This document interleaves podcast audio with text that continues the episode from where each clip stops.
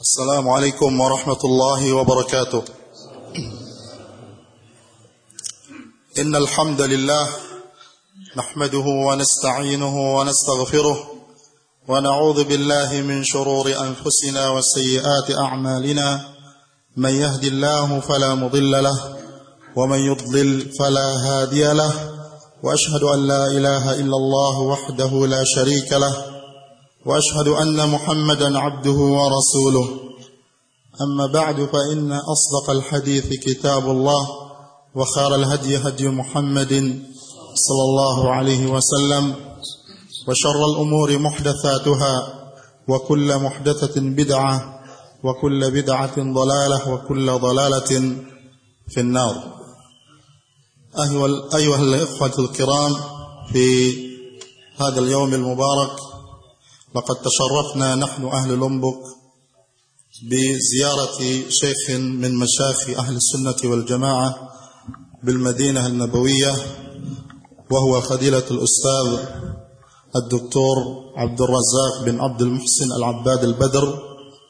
ونشكر الله تبارك وتعالى على ما سعى فضيلته من سفر إلينا وحضور في مجالسنا في إندونيسيا وجزاه الله خيرا كثيرا.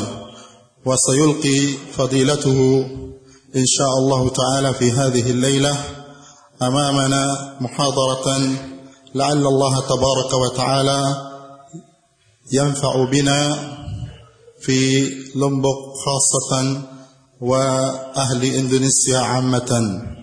فليتفضل مشكورا. السلام عليكم ورحمة الله وبركاته.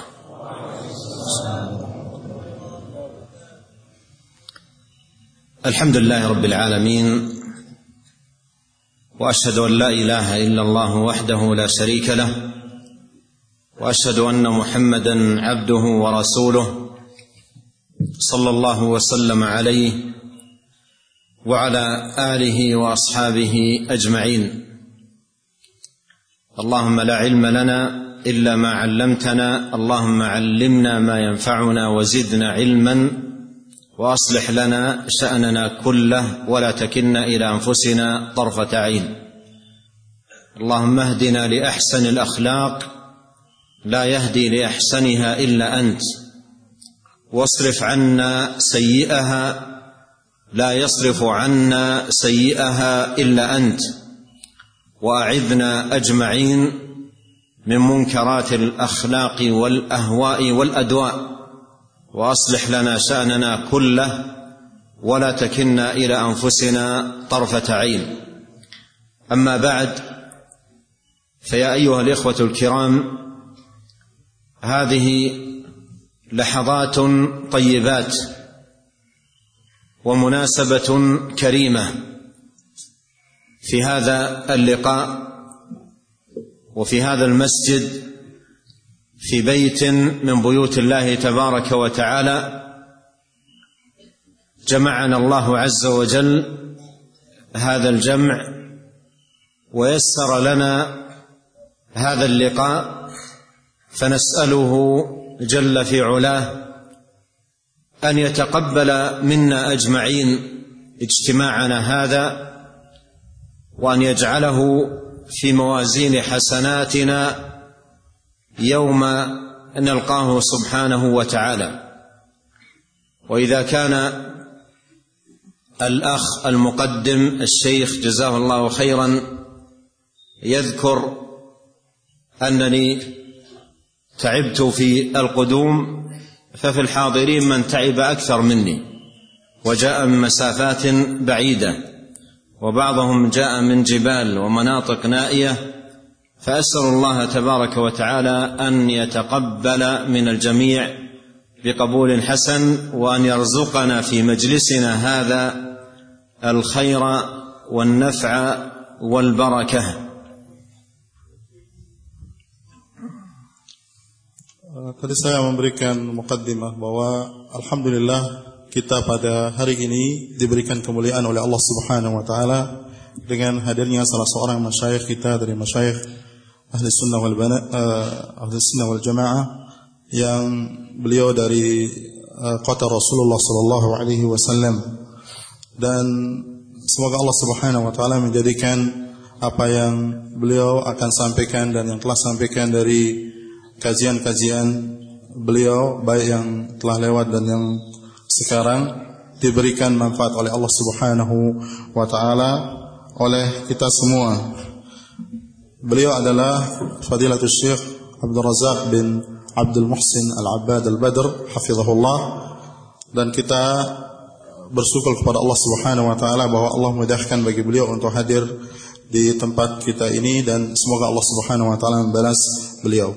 Kemudian beliau setelah mengucapkan pujian kepada Allah Subhanahu wa taala dan bersaksi bahwa saya tidak ada ilah yang hak kecuali Allah Subhanahu wa taala dan bahwa saya Nabi Muhammad sallallahu alaihi wasallam adalah utusan Allah Subhanahu wa taala. Kemudian beliau berdoa bagi kita semua agar kita diberikan ilmu oleh Allah Subhanahu wa taala, ilmu yang bermanfaat dan juga semoga kita diberikan oleh Allah Subhanahu wa taala kemudahan untuk memperbaiki diri kita masing-masing dan memberikan hidayah kepada kita untuk akhlak yang mulia dan dijauhkan daripada akhlak yang jelek. Dan semoga Allah Subhanahu wa taala melindungi kita semua dari kemungkaran-kemungkaran akhlak atau akhlak-akhlak yang mungkar dan juga hawa-hawa hawa nafsu yang dimurkai dan juga penyakit-penyakit hati yang lainnya.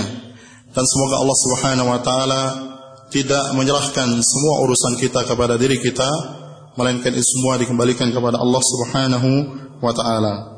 Kemudian beliau mengatakan bahwasanya ini adalah saat-saat yang sangat baik dan juga kesempatan yang sangat mulia yaitu kita bisa bertemu di masjid ini yang dia rumah dari rumah-rumah Allah Subhanahu wa taala di mana Allah Subhanahu wa taala telah mengumpulkan kita dengan uh, hadirin yang hadir pada kesempatan ini dan semoga Allah Subhanahu wa taala memudahkan bagi kita uh, dengan pertemuan yang ada dan juga kita meminta kepada Allah Subhanahu wa taala agar menjadikan semoga Allah Subhanahu wa taala menjadikan pertemuan kita ini pertemuan yang bermanfaat dan juga menjadi salah satu dari bagian kebaikan dan pahala bagi kita di akhirat kelak di sisi Allah Subhanahu wa taala. Beliau juga menyebutkan bahwa saya tadi saya menyebutkan bahwa beliau hadir di sini tentu dengan apa namanya perjalanan yang tentu melelahkan. Beliau mengatakan bahwasanya apa yang disebutkan oleh saya tersebut tentu tidak kalah juga dengan lelahnya antum semua yang hadir di sini. Sebagian datang dari tempat-tempat yang jauh bahkan dari gunung ada yang turun gunung dan sebagainya untuk menghadiri kajian ini dan semoga semua apa yang kita lakukan itu diterima oleh Allah Subhanahu wa taala. وعنوان هذا اللقاء الاسلام دين الاخلاق وديننا هذا الدين المبارك الذي رضيه الله سبحانه وتعالى لعباده ولا يرضى لهم دينا سواه هو دين الأخلاق بأبهى حللها وأجمل صورها وأتم معانيها. بل إن الأخلاق بتمامها ووفائها وكمالها لا توجد إلا في الإسلام. وكتاب ربنا جل وعلا القرآن الكريم هو كتاب الأخلاق. إن هذا القرآن يهدي للتي هي أقوم. ونبينا صلى الله عليه وسلم هو الإمام في كل خلق عظيم وأدب رفيع. أتم الله جل وعلا له خلقه فكان أكمل الخلق ادبا وأحسنهم خلقا. وأطيبهم معاملة لا كان ولا يكون في الناس مثله في الآداب والأخلاق وفي جميع الأمور. وقد كان صلوات الله وسلامه خلقه القرآن. كان خلقه القرآن. لما سئلت أم المؤمنين عائشة رضي الله عنها عن خلق النبي صلى الله عليه وسلم قالت كان خلقه القرآن. بمعنى أن كل خلق وأدب دعي إليه في القرآن الكريم فإن النبي صلى الله عليه وسلم أتى به متمما مكملا فكان صلوات الله وسلامه عليه قدوة للعالمين. في كل في كل خلق عظيم وأدب رفيع Kemudian beliau menyebutkan bahwasanya tema kajian kita pada pertemuan kali ini adalah Islam adalah agama akhlak. Agama kita Islam yang diberkahi oleh Allah Subhanahu wa taala yang Allah Subhanahu wa taala ridha bagi hambanya hanya dengan agama ini. Dan Allah Subhanahu wa taala tidak ridha dengan agama selain Islam. Di mana agama yang diridhai oleh Allah Subhanahu wa taala bagi hambanya yaitu al-Islam adalah agama akhlak.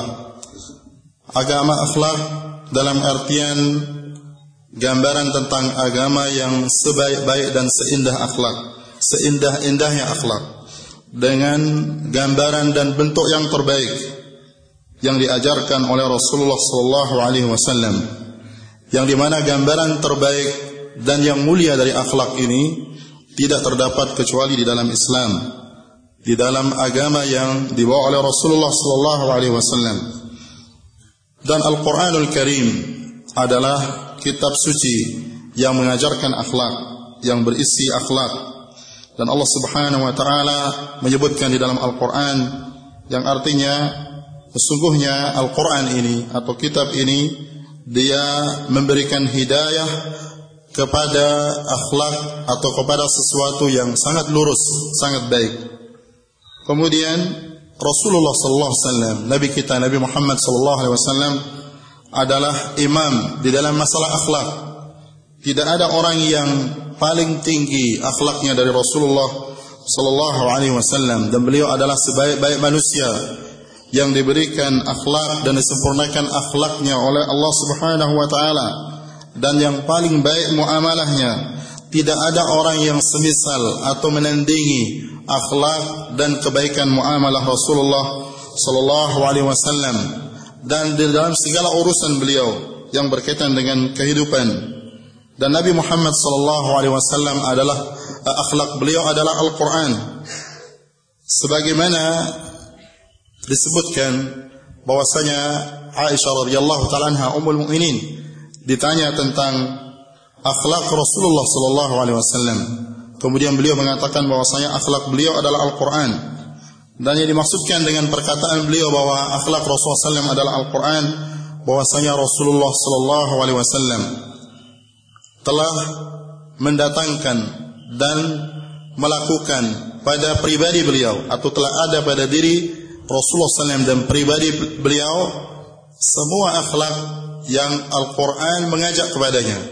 Artinya segala yang diajak di dalam Al-Quran kepada akhlak yang mulia semua ada pada diri Rasulullah Sallallahu Alaihi Wasallam dan beliau berakhlak dengan apa yang ada yang ada dalam Al-Quran dengan sesempurna dan sebaik-baik akhlak yang ada pada diri Rasulullah Sallallahu Alaihi Wasallam. Oleh karena itu Rasulullah Sallallahu Alaihi Wasallam adalah kedua kita dan teladan kita di dalam akhlak dan budi pekerti. وقد أقسم الله جل وعلا على كمال خلقه وجمال أدبه صلوات الله وسلامه عليه حيث قال سبحانه وإنك لعلى خلق عظيم. أي خلق تام كامل متمم للأخلاق مكمل لها. وقال صلوات الله وسلامه عليه إنما بعثت لأتمم مكارم الأخلاق وفي رواية لأتمم صالح الأخلاق. فهو عليه الصلاة والسلام إمام في كل خلق رفيع وكل ادب كامل وحياته ومعاملاته ومعاشرته كلها ادب وخلق Kemudian beliau menjelaskan bahwasanya Allah Subhanahu wa taala bersumpah tentang ketinggian dan kemuliaan akhlak Rasulullah sallallahu alaihi wasallam dan keindahan adab beliau. Sebagaimana Allah Subhanahu wa taala menyebutkan di dalam Al-Qur'an yang artinya sesungguhnya engkau Muhammad sungguh berada pada akhlak atau budi pekerti yang sangat agung. Artinya akhlak yang sempurna, akhlak yang dia penyempurna bagi akhlak-akhlak yang ada sebelumnya. Dan juga Rasulullah sallallahu alaihi wasallam mengatakan di dalam hadis, sungguhnya aku diutus untuk menyempurnakan akhlak yang mulia dan di dalam riwayat yang lain adalah akhlak yang baik, menyempurnakan akhlak yang baik. Dan beliau Rasulullah SAW adalah imam dan pemimpin di dalam akhlak yang mulia yang tinggi dan juga adab yang sempurna.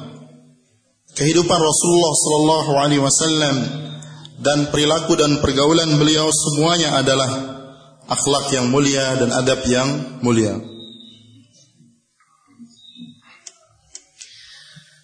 والخلق أيها الإخوة الكرام عنوان على فلاح صاحبه وسعادته في الدنيا والآخرة بل ما استجلبت الخيرات واستدفعت الشرور والآفات بمثله.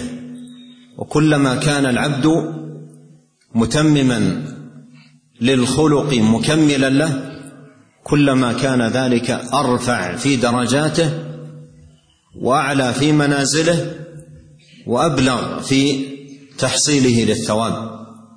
ولما سئل نبينا صلى الله عليه وسلم عن أكثر ما يدخل به الناس الجنة قال تقوى الله وحسن الخلق وقال صلوات الله وسلامه عليه اقربكم مني منزله يوم القيامه احاسنكم اخلاقا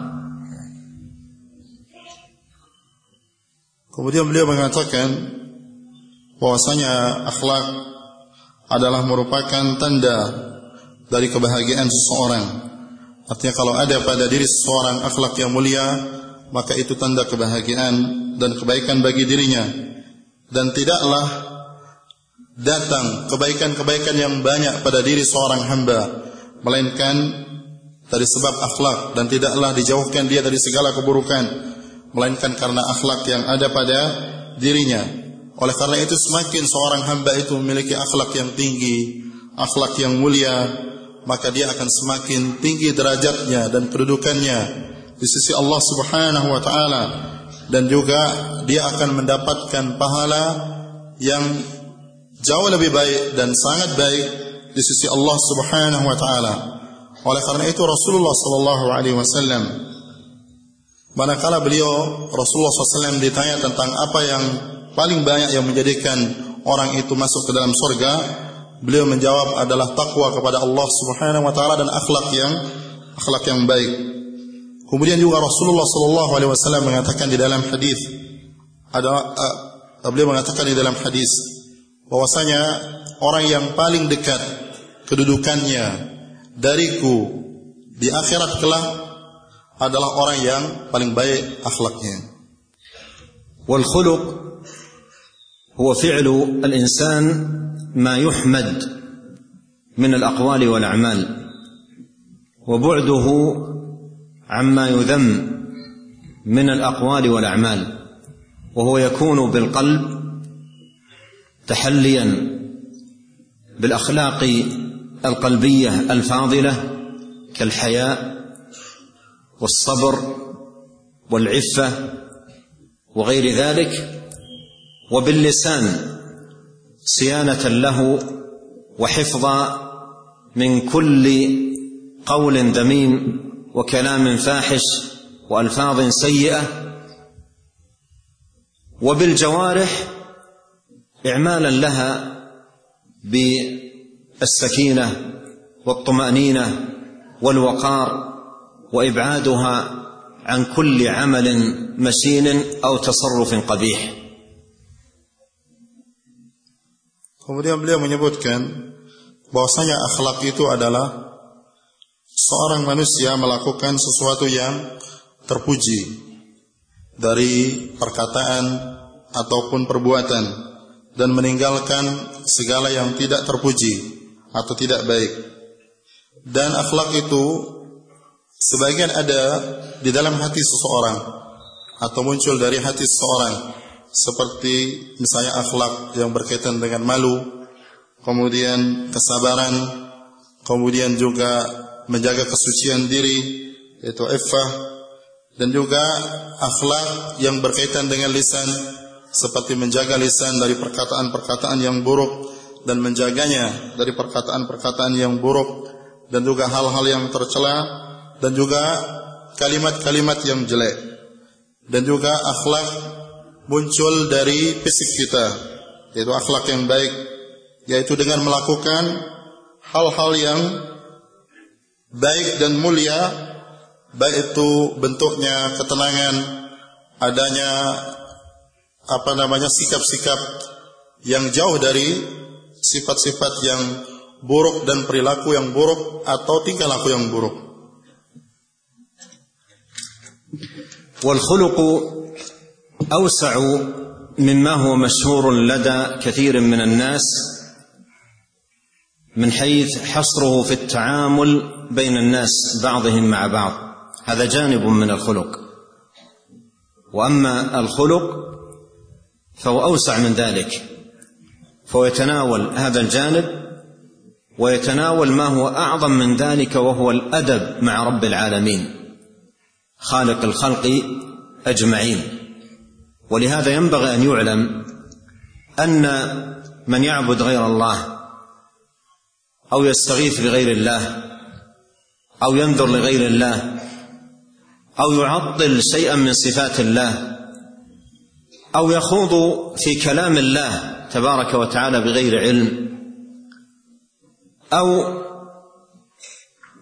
يستهين بشيء من أحكام الله أو ينتقص شيئا من شرعه من كان كذلك فهو عديم الخلق. من كان كذلك فهو عديم الخلق. حتى وإن كان يتعامل مع الناس معاملة جميلة. أين الخلق؟ في إنسان خلقه رب العالمين ثم يصرف العبادة لغير خالقه. أين الخلق؟ في من أوجده الله تبارك وتعالى ومن عليه بالنعم ثم يضيف النعم إلى غير المنعم بها والمتفضل أو يجحد شيء من اسمائه وصفاته أو يستهين بشيء من شرعه وأحكامه. فهذه الأمور إذا وجدت في الإنسان فهي دليل على أنه لا خلق له حتى وإن كان عامل الناس بمعاملة جميلة وأخلاق طيبة. Kemudian beliau menjelaskan bahwasanya akhlak yang mulia di dalam Islam jauh lebih luas dari apa yang dipahami kebanyakan manusia yang mungkin memahami akhlak yang mulia itu sebatas muamalah atau bergaul dengan manusia dengan muamalah atau pergaulan yang baik. Tetapi di dalam Islam akhlak yang mulia mencakup akhlak seseorang juga kepada Allah Subhanahu wa taala dan akhlak orang kepada manusia juga yaitu dengan akhlak yang mulia. Oleh karena itu orang yang tidak beribadah kepada Allah Subhanahu wa taala dan meminta kepada selain Allah Subhanahu wa taala dan menafikan atau mentiadakan sifat-sifat Allah Subhanahu wa taala yang mulia maka orang-orang seperti ini dia bukan dikatakan orang-orang yang berakhlak demikian juga orang-orang yang berbicara tentang ilmu Allah Subhanahu wa taala yang berkaitan dengan syariat Allah Subhanahu wa taala dengan tanpa ilmu atau dia misalnya melecehkan syariat Allah Subhanahu wa taala maka orang seperti ini walaupun dia muamalah dan pergaulannya dengan manusia baik hakikatnya dia adalah orang yang tidak berakhlak dan tidak memiliki akhlak Oleh karena itu, akhlak yang mulia menurut Islam adalah akhlak orang kepada Allah Subhanahu wa taala dengan beribadah hanya kepadanya. Tidak beribadah kepada selain Allah, tidak meminta pertolongan kepada selain Allah Subhanahu wa taala. Tidak juga dia menyimpangkan salah satu dari ibadah kepada Allah Subhanahu wa taala kepada selain Allah Subhanahu wa taala. Oleh karena itu, tidak dikatakan orang itu berakhlak, yaitu orang yang beribadah kepada selain Allah Subhanahu wa taala. Demikian juga bagaimana akan dikatakan berakhlak orang yang diberikan nikmat oleh Allah Subhanahu wa taala, kemudian dia tidak beribadah kepada zat yang memberikan nikmat kepadanya yaitu Allah Subhanahu wa taala. Bahkan dia mungkin melecehkan dan memperolok-olokkan agama Allah Subhanahu wa taala. Orang yang seperti ini walaupun dia bergaulnya dengan manusia baik, muamalahnya dengan manusia baik, tetapi dia tidak beribadah kepada Allah, dia melecehkan agama Allah, dia mengolok-olok agama Allah, maka orang seperti ini adalah orang yang tidak memiliki akhlak.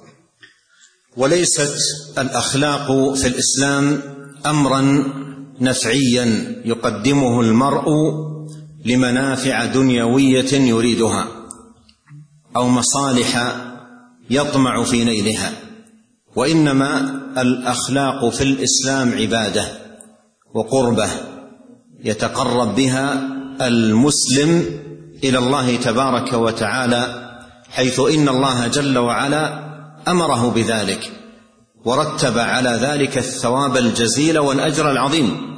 وقد مر معنا قول نبينا صلى الله عليه وسلم عندما سئل عن أكثر ما يدخل به الناس الجنة قال تقوى الله وحسن الخلق. قال أقربكم مني منزلة يوم القيامة أحسنكم خلقا. فالمسلم عندما يقوم بهذه الأخلاق والآداب يقدمها قربة لله. إنما نطعمكم لوجه الله. لا نريد منكم جزاء ولا شكورا. بخلاف غير المسلم فإنه قد يأتي بأخلاق جميلة وآداب حسنة ومعاملات طيبة لكنه لا يرجو بها شيئا عند الله. وحده في هذه الأخلاق مصالح دنيوية. إما ذكر يرجوه أو شهره يطمع فيها أو باصطلاحنا المعاصر أصوات يجمعها أو غير ذلك من المقاصد التي تكون من كثير من الناس بما يقدمونه من أخلاق. وينبغي أن يعلم أن الخلق إنما يكون نافعا للعبد عند الله إذا أراد به الدار الآخرة. إذا أراد به الدار الآخرة ورجى به ثواب الله سبحانه وتعالى وعده في جملة قربه التي يتقرب بها إلى الله سبحانه وتعالى. Kemudian beliau menyebutkan bahwasanya akhlak di dalam Islam bukanlah perkara yang dia berkaitan dengan manfaat, manfaat dunia. Orang bermuamalah dengan orang lain dengan muamalah atau pergaulan yang baik atau dengan akhlak yang baik dengan maksud maslahat dunia atau dengan maslahat mas dengan maksud maslahat maslahat yang dia menginginkannya atau dia tamak dengannya akan tetapi akhlak di dalam Islam adalah ibadah kepada Allah Subhanahu wa taala. Yang seseorang mendekatkan diri kepada Allah Subhanahu wa taala dengan akhlak tersebut yang dia ibadah kepada Allah Subhanahu wa taala. Dan juga akhlak yang mulia di dalam Islam diyakini oleh seorang muslim adalah ibadah yang dia mendatangkan pahala di sisi Allah Subhanahu wa taala. Dan telah lalu kita sebutkan hadis Rasulullah sallallahu alaihi wasallam ketika beliau ditanya tentang apakah yang paling banyak menjadikan seseorang masuk ke dalam surga beliau menyebutkan yaitu takwa kepada Allah Subhanahu wa taala dan akhlak yang mulia atau akhlak yang baik. Dan juga beliau Rasulullah sallallahu alaihi wasallam menyebutkan bahwasanya orang yang paling terdekat dari kalian denganku kedudukannya di hari kiamat adalah orang yang paling baik akhlaknya. Oleh karena itu seorang muslim ketika dia berakhlak, dia tidak berakhlak dengan maksud hal-hal dunia. Dia tidak berakhlak dengan maksud untuk mendapatkan sesuatu dari perkara-perkara dunia. Bahkan seperti yang disebutkan oleh Allah Subhanahu wa taala bahwasanya mereka tidak memaksudkan dari amal soleh tersebut balasan kecuali balasan dari Allah Subhanahu wa taala. Berbeda dengan orang-orang yang bukan muslim. Kalau orang-orang yang bukan muslim atau non muslim dia memiliki muamalah atau akhlak yang tampak mulia pada zahirnya, maka dia tidak muncul dari hatinya yang dia maksudkan untuk mencari pahala dari Allah Subhanahu wa taala. Akan tetapi yang mereka lakukan dari akhlak yang mulia yang tampak tersebut adalah manfaat-manfaat dunia, baik yang berkaitan dengan ketenaran orang itu bermuamalah dengan muamalah yang baik supaya dia masyhur, tenar di tengah manusia bahwa dia orang yang berakhlak yang baik, atau dia menginginkan harta benda dari dunia, atau dia ingin maslahat-maslahat yang lain yang lainnya. Oleh karena itu seorang muslim seharusnya ketika dia berakhlak yang mulia hendaklah akhlak yang mulia tersebut muncul dari dirinya karena keyakinan bahwasanya akhlak ini adalah ibadah kepada Allah Subhanahu wa taala yang mendekatkan seseorang kepada Allah Subhanahu wa taala dan dia tidak mengharapkan dari akhlak yang mulia yang dia lakukan tersebut melainkan balasan di negeri akhirat kelak. قال الله تعالى في بيان ما يكون به العمل مشكورا عند الله مثابا عليه صاحبه يوم لقاء الله قال عز وجل ومن اراد الاخره وسعى لها سعيها وهو مؤمن فأولئك كان سعيهم مشكورا. ولهذا ينبغي على المسلم ألا يغتر بما يوجد لدى بعض أو عدد من الكفار من أخلاق وآداب. لا يغتر بذلك. وإذا أراد أن ينظر إلى الأخلاق ويتعلم الأخلاق لا ينظر إلى أولئك. لا ينظر إلى أولئك لأن هذه الأخلاق إن مات الواحد منهم على كفره بالله سبحانه وتعالى لا تنفعه عند الله ولا يجد عليها ثوابا يوم يلقى الله بل إذا مات انتهت. وقدمنا إلى ما عملوا من عمل فجعلناه هباء منثورا ولهذا جاء في صحيح مسلم أن عائشة أم المؤمنين رضي الله عنها سألت النبي صلى الله عليه وسلم قالت ابن جدعان الذي هو عبد الله قالت ابن جدعان كان يصل الرحم ويكرم الضيف أينفعه ذلك كان يصل الرحم ويكرم الضيف أينفعه ذلك؟ قال لا لا ينفعه لأنه ما قال يوما رب اغفر لي خطيئتي يوم الدين. وقوله عليه الصلاة والسلام ما قال يوما رب اغفر لي خطيئتي يوم الدين تنبيه إلى أن هذه الأخلاق والآداب إنما تنفع العبد إذا كان يؤمن بيوم الدين. ويخاف من عقوبة الخطيئة في ذلك اليوم. فيتحلى بالأخلاق الفاضلة والآداب الكاملة ويتجن راجيا ثواب الله ويتجنب سيئها وقبيحها خوفا من عقاب الله. أما إذا كان يتحلى بهذه الأخلاق لا يرجو عليها شيئا عند الله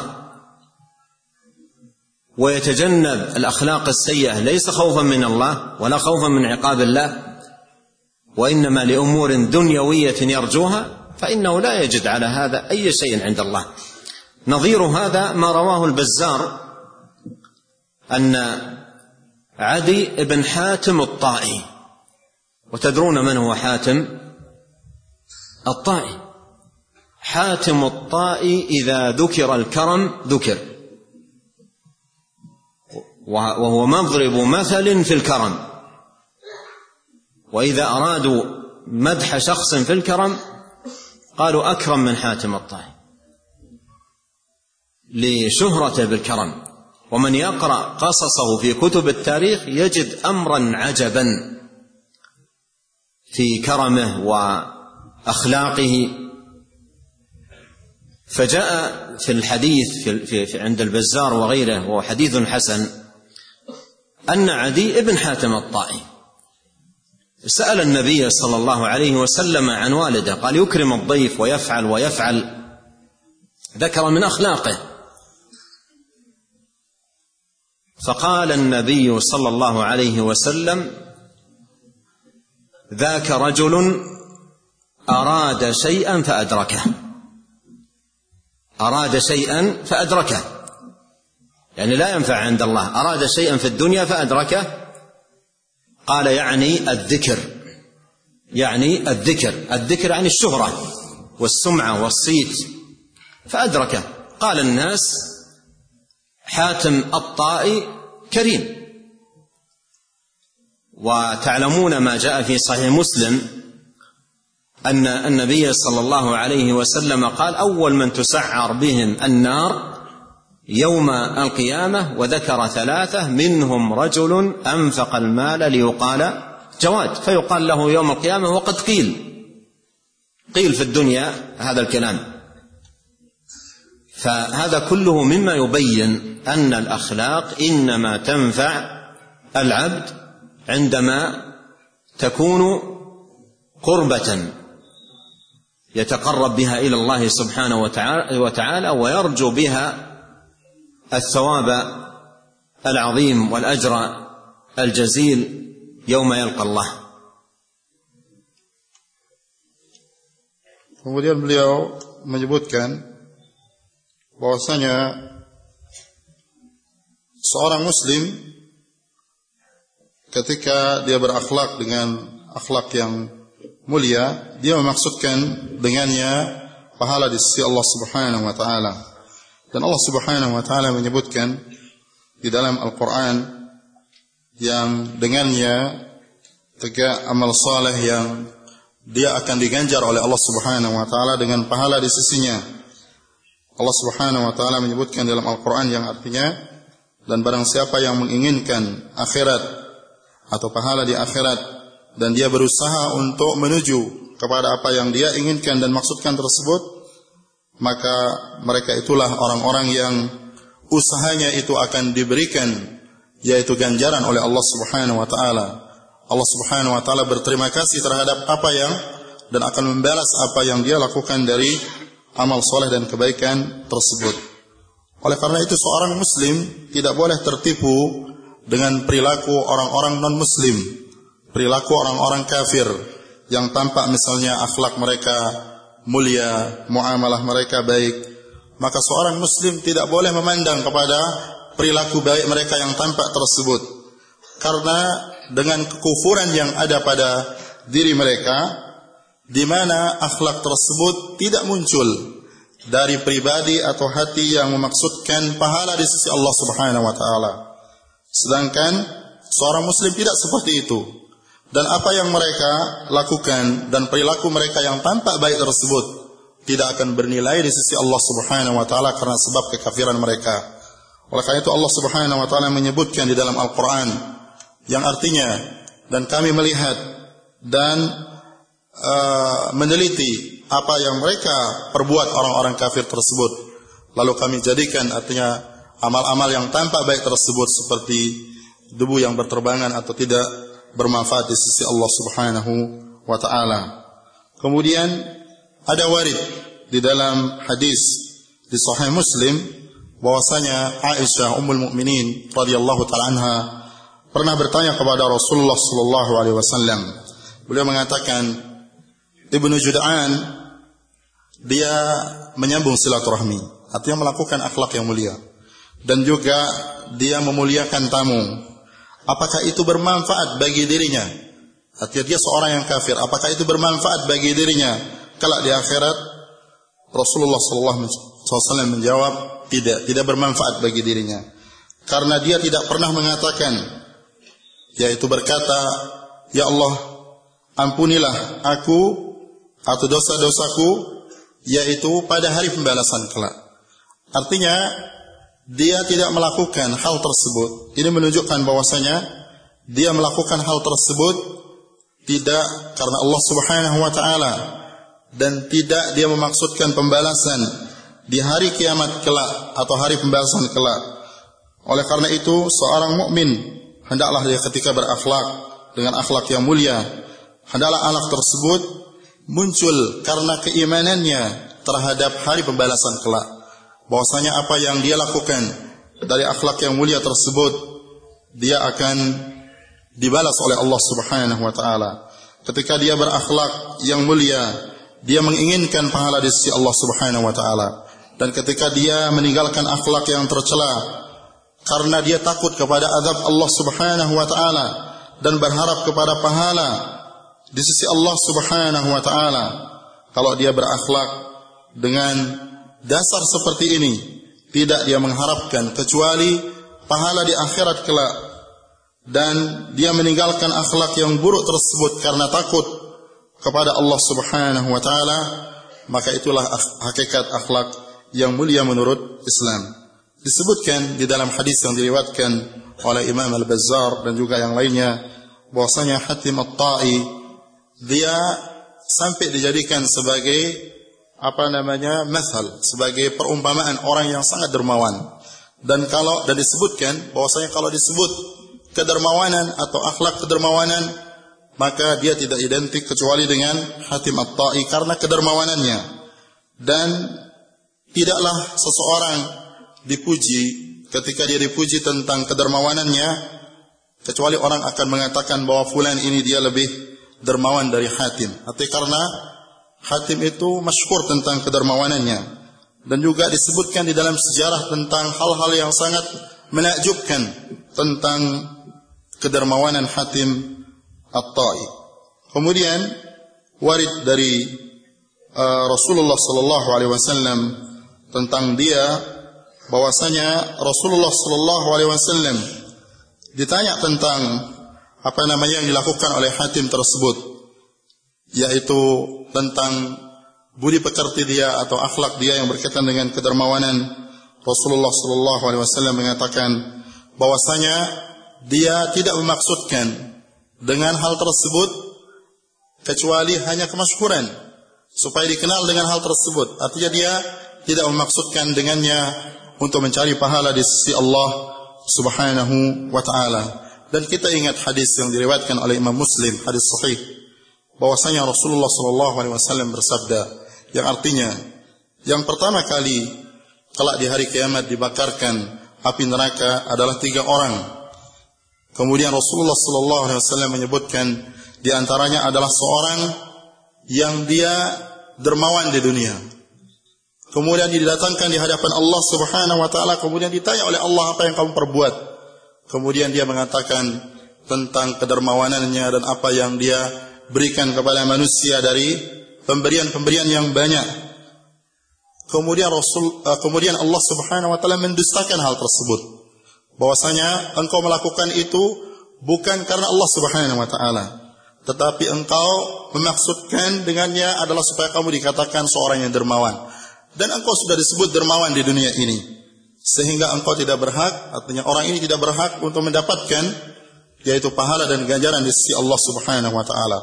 Maka dari hadis tersebut hendaklah kita uh, kaum muslimin menjadikan akhlak tersebut atau akhlak yang mulia tersebut dia harus bersumber dari hati dan keimanan bahwasanya akhlak tersebut dimaksudkan ibadah kepada Allah Subhanahu wa taala yang mendekatkan kepadanya dan akhlak tidak akan pernah bermanfaat bagi seseorang yang dia bermanfaat di akhirat kelak kecuali kalau dia maksudkan ibadah kepada Allah Subhanahu wa taala yang dia mendekatkan diri kepada Allah dengannya. ومع وضوح هذا الامر فانك تعجب من حال بعض المسلمين وحال أيضا بعض الكتاب عندما يريد ان يتحدث عن الاخلاق ويتكلم عن الاداب تجده ينقل عن أشخاص كافرين.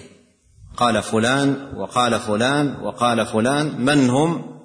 أشخاص من الكفار. وكأن هذا الكاتب لا ينتمي إلى هذا الدين العظيم. وكأنه ليس بين يديه كتاب رب العالمين. وكأنه لا يعي سنة النبي الكريم وسيرته المباركة عليه أفضل الصلاة وأتم التسليم. ثم أيضا تعجب غاية العجب عندما ترى في أشخاص ربما أيضا بعضهم ينتمي إلى الإسلام من يعقد موازنة بين أخلاق بعض المسلمين وأخلاق بعض الكفار. ثم بزعمه يخرج بنتيجة أن أخلاقهم أفضل وأن آدابهم أحسن. وربما أخذ يتهجم. وهذا من الجور والظلم. ومن المعلوم أن الأخلاق التي في المسلمين والمعاملات ليس من الضرورة أن تكون تمثل الإسلام. وكل يعلم من نفسه قصورا في جوانب من أمور الدين. ومثل ذلك قل في أحوال الناس كلهم مع الأديان التي ينتمون إليها ليسوا فيها على درجة واحدة. فكيف تكون هذه الموازنة؟ وعلى أي أساس تبنى؟ لكن ينبغي أن نعلم فيما يتعلق باخلاق الكفار والآداب التي عندهم. وأشير في في هذا الباب إلى أمور ثلاثة أذكرها لكم عن أخلاق الكفار فعوها. الأمر الأول أن هذا الخلق لا ينفعهم عند الله. كما سبق بيانه لأن النافع عند الله تبارك وتعالى هو ما أراد به العامل الدار الآخرة وقصد به التقرب إلى الله. وما سوى ذلك فهو داخل تحت قوله تعالى وقدمنا إلى ما عملوا من عمل فجعلناه هباء منثورا. ولهذا قليل من الأدب والخلق مع التوحيد والإيمان خير من كثير من الادب والخلق مع انعدام التوحيد والايمان مع انعدام التوحيد والايمان Kemudian beliau menyebutkan dan dengan jelasnya perkara ini artinya tentang akhlak yang mulia menurut Islam dan juga apa hakikat dari akhlak yang mulia di dalam Islam kita mendapatkan hal yang sangat menakjubkan artinya yang mengherankan dari sebagian orang-orang yang berbicara tentang akhlak atau menulis tentang akhlak yang sangat mengherankan dari mereka mereka menukil menukil atau menulis tentang akhlak tersebut atau akhlak yang mulia tersebut dari orang-orang yang kalau kita lihat ternyata mereka adalah orang-orang kafir.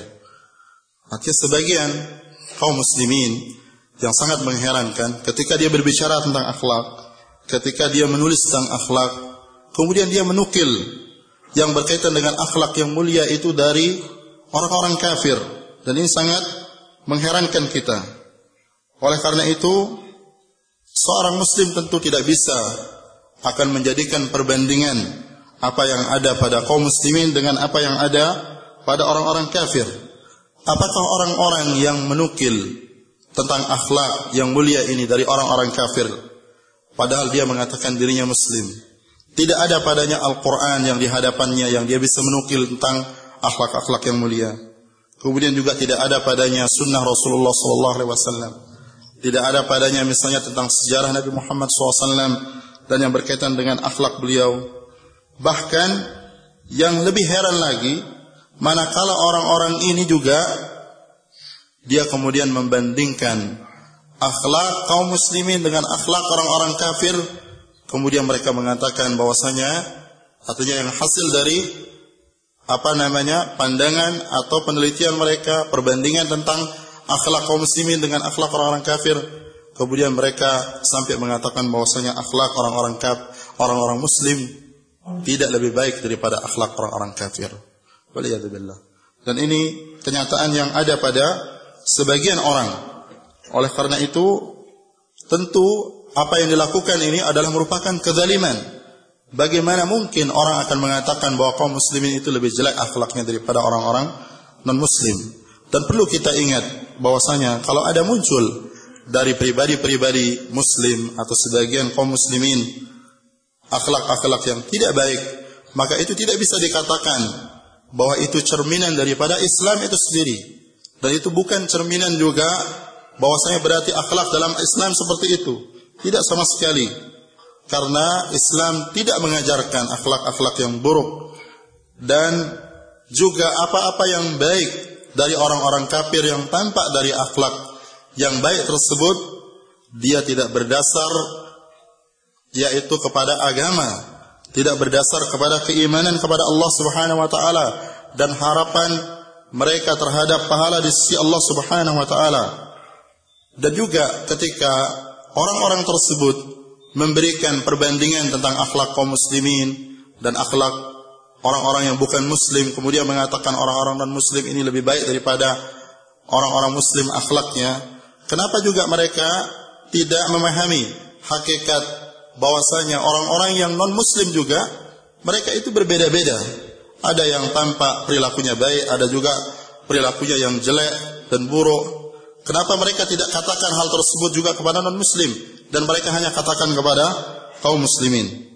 Oleh karena itu harus kita mengetahui dan memahami bahwasanya akhlak dan perilaku baik yang tampak pada orang-orang kafir dan adab-adab mereka hal tersebut apa namanya uh, kalau kita mau mengisyaratkan hal tersebut maka kita kembalikan pada tiga perkara yang berkaitan dengan akhlak orang-orang kufar.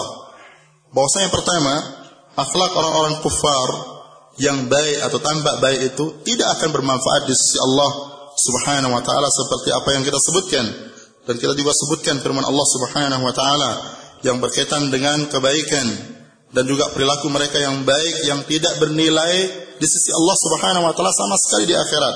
Seperti firman Allah yang kita sebutkan dan kami melihat apa-apa yang mereka perbuat yaitu orang-orang kafir dari amal-amal yang baik mereka amal-amal baik mereka lalu kami jadikan itu dia seperti debu yang berterbangan artinya tidak bermanfaat di sisi Allah Subhanahu wa taala.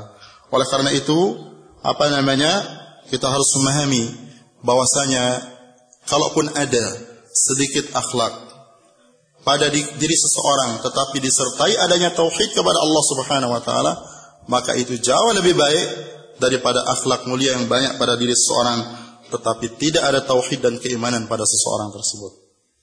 الأمر الثاني أن خلق الكافر خلق نفعي آني يقدمه لمصالح آنية و منافع معينة ينتهي الخلق بانتهائها وينقضي بانقضائها. بخلاف خلق المسلم فإنه خلق يقدمه يرجو به ثواب الله تبارك وتعالى.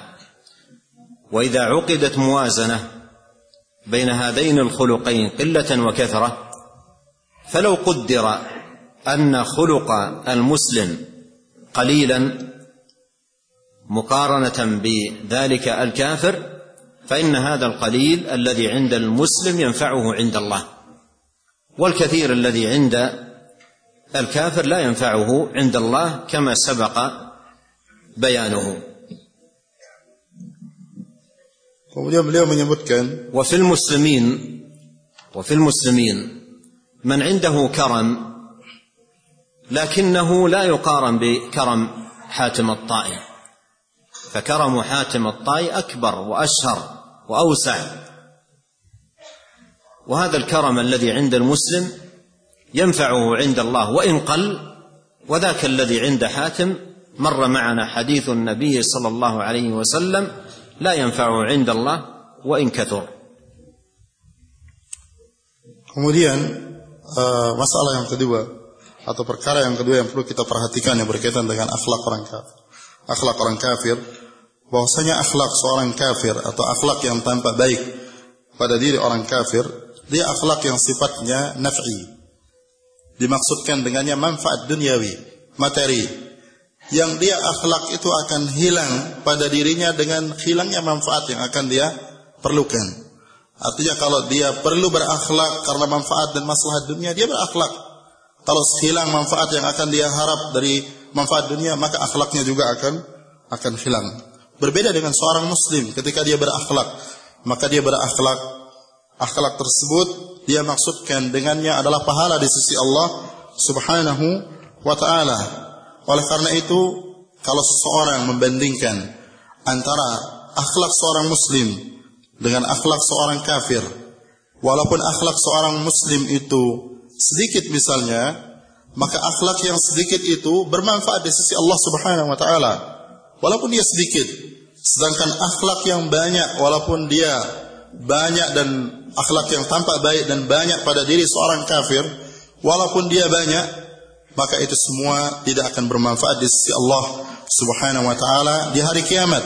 Jadi yang sedikit kalaupun ada misalnya sedikit dari akhlak, walaupun ada sedikit dari akhlak yang mulia pada diri seorang muslim, maka itu bermanfaat di sisi Allah Subhanahu wa taala, sedangkan pada diri orang kafir walaupun dia banyak tidak akan bernilai di sisi Allah Subhanahu wa taala seperti yang pernah yang seperti yang disebutkan tadi pada pembahasan sebelumnya. Kemudian juga apa yang ada pada kaum muslimin bahwasanya kaum muslimin sebagian mereka atau dari kaum muslimin ada juga orang-orang yang dermawan.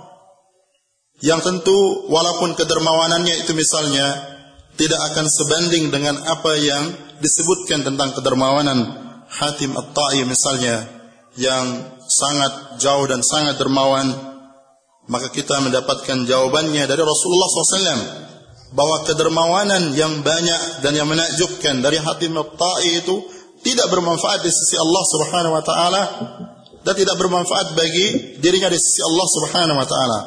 Berbeda dengan seorang muslim. Kalau dia dermawan walaupun dermawannya tidak sampai kepada derajat dermawannya Hatim tetapi dia bernilai di sisi Allah Subhanahu wa taala karena dia beriman berbeda dengan Hatim At-Ta'i yang tidak disertai dengan keimanan. الأمر الثالث قصور خلق الكفار مهما كثرت وتعددت مقارنة بالأخلاق التي يدعو إليها الإسلام. ونبينا عليه الصلاة والسلام كما مر معنا بعث ليتمم مكارم الأخلاق. فالأخلاق بأبهى صورها وأتم حللها وأجمل معانيها إنما توجد في الإسلام. Kemudian perkara yang ketiga beliau menyebutkan bahwasanya kalaupun dikatakan orang-orang kafir itu memiliki akhlak, tetap akhlak mereka itu memiliki keterbatasan. Walaupun dia dikatakan banyak, tetap dikatakan dia terbatas tidak seperti kesempurnaan akhlak yang ada pada Islam. Sehingga kalau kita bandingkan antara akhlak yang ada pada orang kafir dan akhlak yang diajarkan oleh Islam yang Islam menyeru kepadanya, maka sungguh pada Islam atau pada Islam terdapat akhlak yang sangat mulia dan sempurna dan itu dinyatakan oleh Rasulullah sallallahu alaihi wasallam bahwasanya Rasulullah SAW tidaklah diutus oleh Allah Subhanahu wa taala kecuali untuk menyempurnakan akhlak yang mulia. Ini menunjukkan bahwasanya akhlak yang dibawa oleh Rasulullah SAW menyempurnakan semua akhlak dan perilaku yang ada sebelumnya yang dia pasti terbatas dan itu disempurnakan dengan datangnya Rasulullah sallallahu alaihi wasallam. وأضيف إلى ما سبق أمرا رابعا وهو أهم مما سبق كله وهو أن الكافر مهما تحلى به من آداب طيبة وأخلاق جميلة فهو في الحقيقة عديم الخلق لأن جوهر الخلق وأساسه الأعظم الخلق مع الله تبارك وتعالى مفقود عنده Kemudian beliau menambahkan dari tiga hal yang sebenarnya beliau akan sebutkan, yaitu yang keempat yang berkaitan dengan akhlak orang kafir, bahwasanya orang kafir dengan akhlak yang mereka miliki, walaupun dia baik, walaupun dikatakan dia memiliki akhlak yang baik, pada hakikatnya mereka itu tidak memiliki akhlak. Kenapa? Karena mereka tidak memiliki hal yang paling asasi, yang paling mendasar dari akhlak yang wajib mereka berakhlak dengannya, yaitu akhlak mereka kepada Allah Subhanahu wa taala. Karena mereka tidak beribadah kepada Allah, tidak mentauhidkan Allah Subhanahu wa taala. ومع ما سبق نقول عندما نسمع بشخص كافر يتعامل بالمعاملة الطيبة ويحسن للناس ويكرمهم ويتلطف معهم ويترفق بهم إلى غير ذلك من المعاملات الطيبة. عندما نسمع بشخص بهذه الصفة نتمنى والله إسلامه. نتمنى نجاته من النار. وإذا من عليه الله سبحانه وتعالى بالإسلام نفرح بذلك. ونقول الحمد لله الذي أنقذه الله تبارك وتعالى من النار.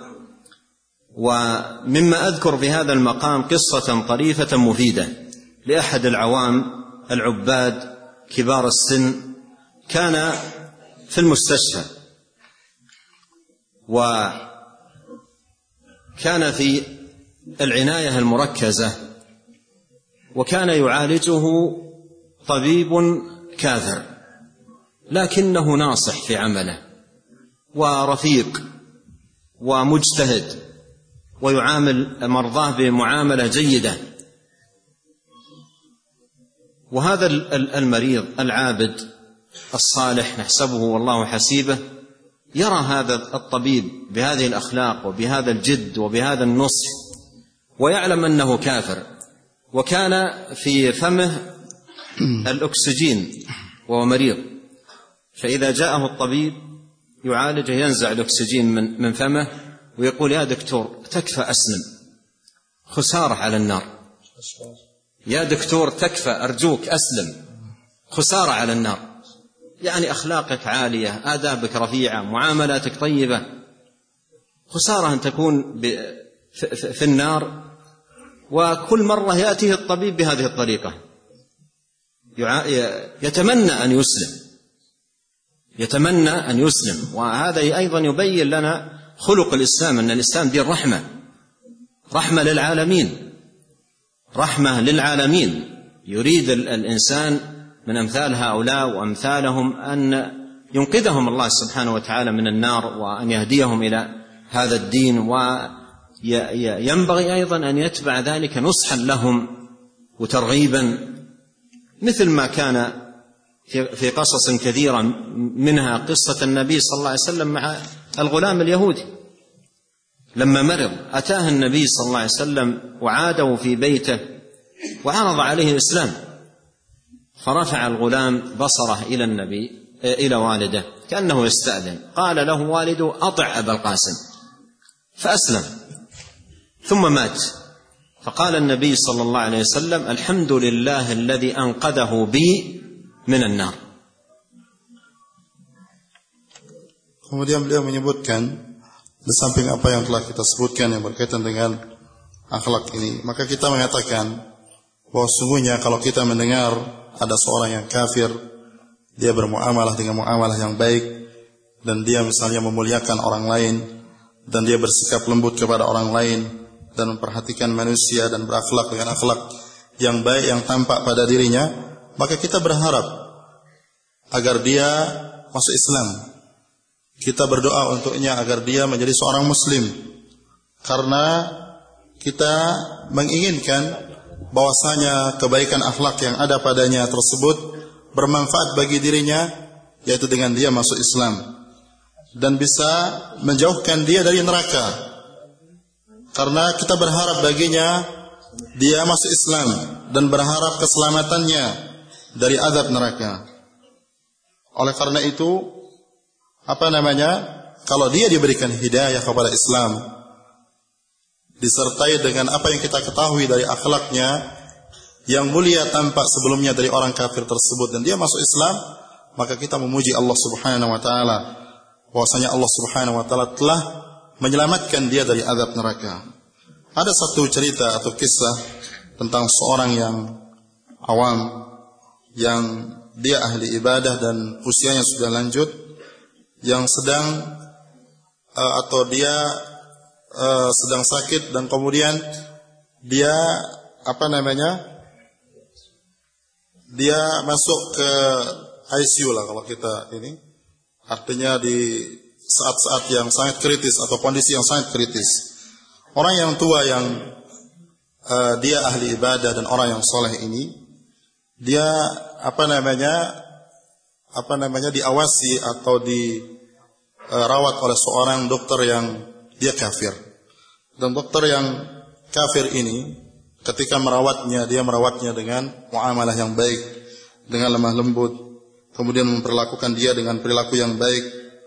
Dan uh, orang tua ini kalau dia masuk orang kafir ini dan dia melihat muamalahnya selama ini baik kepadanya dan sikapnya baik kepadanya dan merawatnya dengan cara yang baik yang dia memakai oksigen setiap dia datang dia membuka apa namanya uh, oksigen yang uh, dia hirup dari alat tersebut, kemudian berkata kepadanya, saya berharap bahwa engkau masuk Islam karena akhlakmu sangat tinggi, akhlakmu sangat baik. Dan ini menunjukkan justru ajakan orang yang soleh ini terhadap dokter yang kafir ini, padahal dia lihat perilakunya baik kepada Islam, menunjukkan akhlak ketinggian akhlak seorang muslim yang dia menginginkan keselamatan bagi orang tersebut agar dia selamat dari azab Allah Subhanahu wa taala dan dari neraka.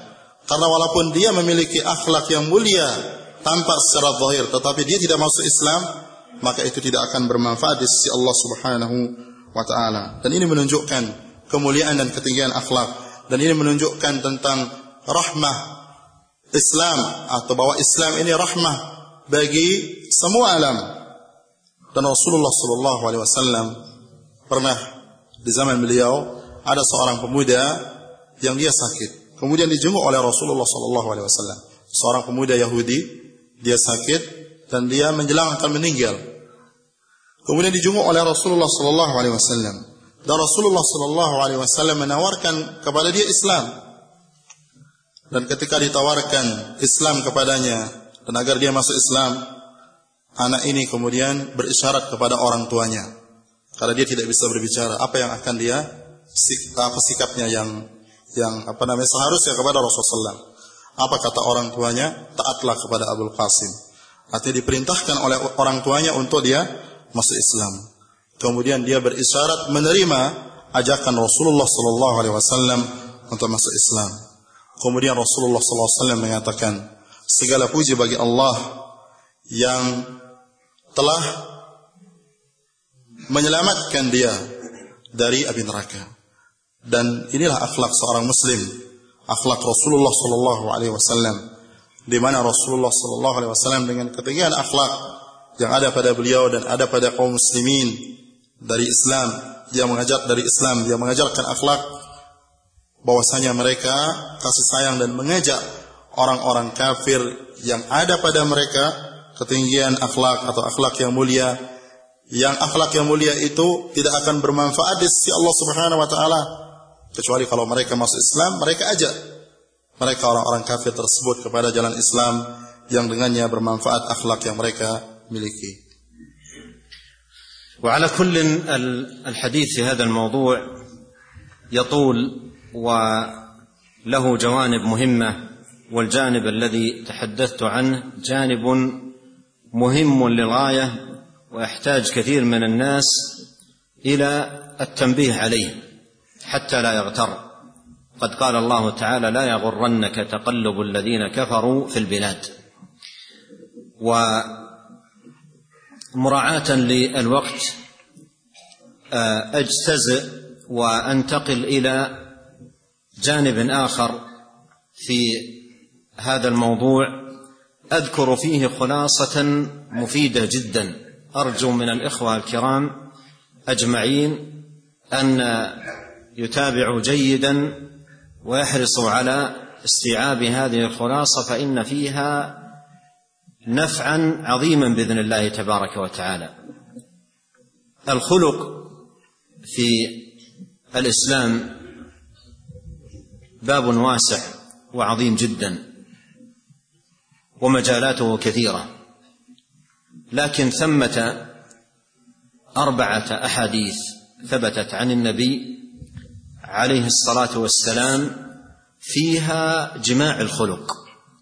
أربعة أحاديث ثبتت عن النبي صلى الله عليه وسلم فيها جماع الخلق وجماع الأدب الذي ينبغي أن يكون عليه المسلم. وذلك لما اشتمل عليه كل حديث من هذه الأحاديث الأربعة من ركيزة مهمة ينبني عليها الخلق. وأذكرها مرتبة حسب ما أراه والله تعالى أعلم فيها من أهمية وتدرج أيضا في آه، آه، تدرج في التطبيق لهذه الآداب والتحلي بها. الحديث الأول قول النبي صلى الله عليه وسلم لا يؤمن أحدكم حتى يحب لأخيه ما يحب لنفسه. وهذا فيه تنبيه على ركيز ركيزة مهمة وعظيمة ينبني عليها الخلق ألا وهي صلاح القلب. صلاح القلب وسلامته. بأن يكون قلبا محبا للخير محبا للإحسان محبا للكرم فيه معاني محبة الخير. وقلب لا تكون فيه هذه المعاني ليس صالحا صاحبه للتحلي بالأخلاق لأن عماد الأخلاق القلب. قد قال عليه الصلاة والسلام لأن في الجسد مضغة إذا صلحت صلح الجسد كله وإذا فسدت فسد الجسد كله ألا وهي القلب. ولهذا القلب إذا أعطب بالحسد مثلا أو الغل أو الحقد أو غير ذلك من أمراض القلوب يصبح الشخص الذي قلبه بهذه الصفة ليس صالحا صاحبه لأن يكون متصفا بالأخلاق الجميلة لأن ما قام في قلبه من خلل يؤثر على جوارحه لأن الجوارح تبع للقلب. اذا الركيزة الأولى في الأخلاق والآداب صلاح القلب. فيعتني المسلم بإصلاح قلبه ويعتني بأن يجمل قلبه بالأخلاق الفاضلة والآداب الكاملة ويبعد عن قلبه ما يناقض ذلك وينافيه. سائلا ربه تبارك وتعالى التوفيق لذلك. وفي الدعاء الماثور اللهم آت نفوسنا تقواها وزكها. أنت خير من زكاها أنت وليها ومولاها. Kemudian beliau menyebutkan uh, dari apa yang semua yang disebutkan bahwasanya pembahasan tentang akhlak itu sangat panjang dan dia memiliki sisi-sisi yang banyak yang sangat penting yang harus ada sehingga seorang itu dikatakan berakhlak yang mulia. Dan apa yang kita sebutkan itu termasuk hal-hal yang sangat mendasar dan penting yang berkaitan dengan akhlak. Oleh karena itu, di antara hal yang penting yang perlu kita perhatikan dan ini insya Allah taala merupakan perkara yang sangat bermanfaat dan ringkasan dari apa yang semua disebutkan bahwasanya kita tidak boleh tertipu dengan apa namanya perilaku orang-orang kafir. Sebagaimana yang Allah Subhanahu wa taala ingatkan di dalam Al-Qur'an dan janganlah menipu kalian yaitu berbolak-baliknya orang-orang kafir di semua negeri. Arti dengan tingkah laku mereka. Kemudian bahwasanya uh, ringkasan dari apa yang uh, dimaksudkan oleh beliau yang bermanfaat yang berkaitan dengan uh, akhlak ini dan insya Allah bermanfaat dengan manfaat yang besar bahwasanya di dalam Islam atau akhlak di dalam Islam adalah uh, beliau mengulang kembali bahwasanya dia adalah pintu yang luas dan juga hal-hal yang berkaitan dengan akhlak itu sangat banyak. Beliau mengatakan saya meringkas dengan insya Allah menyebutkan empat hadis yang berkaitan dengan akhlak dari hal-hal yang asasi yang ditegakkan dengannya akhlak dan adab yang mulia yang seharusnya seorang muslim mendirikan atau membina akhlaknya di atas hadis-hadis Rasulullah SAW ini.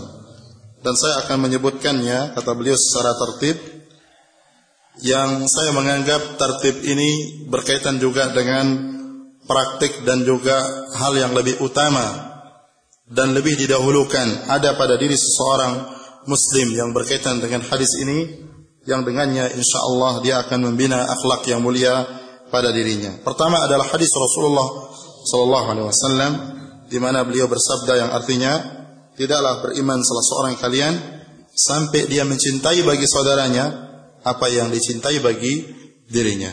Hadis ini mengandung akhlak yang dia muncul dalam hati diri uh, dalam hati atau diri seseorang yang dia menunjukkan atau hadis ini menunjukkan tentang pentingnya kebaikan hati. Di mana Rasulullah SAW mengisyaratkan di dalam hadis tersebut bahwasanya tidak beriman salah seorang kalian sampai dia mencintai bagi saudaranya apa yang dia cintai bagi dirinya. Artinya dia mencintai kebaikan bagi orang lain sebagaimana dia mencintai kebaikan bagi dirinya. Maka hadis ini mewujudkan adanya hati yang baik, yang mencintai kebaikan, yang mencintai ihsan, berbuat baik kepada orang lain, dermawan kepada orang lain, dan senang orang lain untuk mendapatkan kebaikan. Yaitu hati yang senang orang lain mendapatkan kebaikan dan menjadi baik tidak ada padanya kedengkian, tidak ada padanya hasad yang hati inilah yang dia siap untuk dia memiliki akhlak-akhlak yang mulia yang tampak pada fisiknya atau pada zahir muamalahnya. Oleh karena itu kedengkian dan juga penyakit-penyakit hati yang ada pada hati seseorang kalau dia ada maka hati-hati seperti ini tidak cocok untuk apa namanya orangnya secara zahir akan memiliki akhlak yang yang mulia. Oleh karena itu apa namanya bahwasanya kebaikan hati dia ikut kepadanya kebaikan daripada anggota badan. Artinya kalau anggota e, badan itu baik maka itu mesti muncul karena kebaikan hati secara umum. Dan kebaikan hati itu pasti memunculkan apa? Kebaikan fisik itu sendiri. Oleh karena itu kalau seorang muslim dia seharusnya memperbaiki hatinya. Karena dengan baiknya hati, maka insya Allah akan baik juga apa yang muncul dari dari fisiknya. Oleh karena itu Rasulullah Sallallahu Alaihi Wasallam mengisyaratkan di dalam hadis bahwasanya di dalam tubuh manusia ada segumpal daging. Yang kalau dia baik maka akan baik jasad yang lainnya. Dan juga kalau dia rusak maka akan juga rusak jasad yang lainnya. Dan itu adalah hati. Dan juga e, tentu di samping usaha untuk memperbaiki hati dan dia menjadi baik yang di situ akan muncul juga akhlak yang zahir dari fisik yang baik dari dari fisik seseorang dari akhlak yang baik.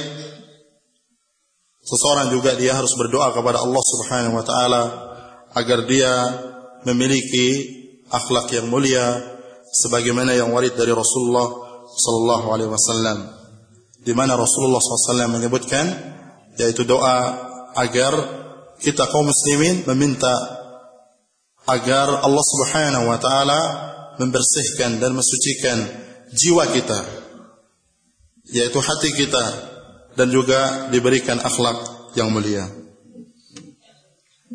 الحديث الثاني قول النبي صلى الله عليه وسلم من كان يؤمن بالله واليوم الآخر فليقل خيرا أو ليصمت وهذا فيه التنبيه على الركيزة الثانية من ركائز الأخلاق وهي صيانة اللسان.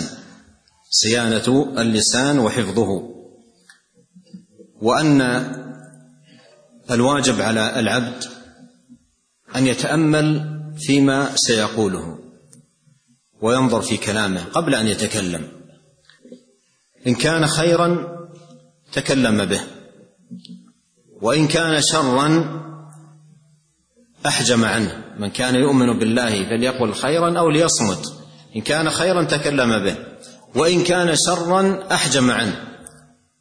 وإن كان مشتبها. لا يدري هذا الكلام الذي يقول من الخير أو من الشر.